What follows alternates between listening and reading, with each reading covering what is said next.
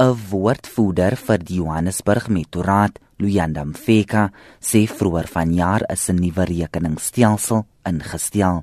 Die stelsel het inwoners in streke verdeel en nuwe sperdatums vir hulle rekeninge genereer. Mfeka sê die stelsel saam met van bestuur is dalk verantwoordelik vir die probleme. The aim of, of the exercise was to reduce the time gap between consumption and payment for services for residents. The move, however, had the unintended consequence of bringing some of our residents billing forward, such that some account holders received two billing statements within one month.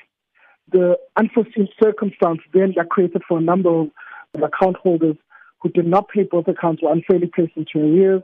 They accumulated interest on arrears and were being charged fees for pre-termination notices. Van die eerste stappe is om se rekeninge nou spoedig moontlik reg te stel. All residents who have been paying their tariffs on time and were in good standing for the past 12 months prior to February 2017 and who, following the regionalization program, were then subsequently placed into arrears, will have their interest owing on arrears and costs relating to pre-termination notices and disconnections reversed.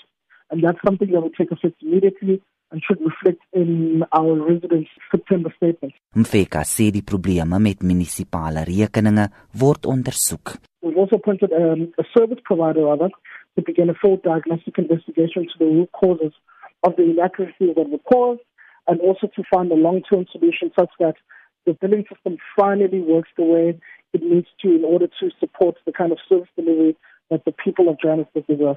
Dit was Luyanda Mfeka, 'n woordvoerder vir die Johannesburg Metroraad. Aanstellings in senior poste in die Metroraad se departement van finansies sal in die volgende 3 maande gedoen word. Nege senior poste in die departement is vernemend. Jean Estreisen, SAICanis.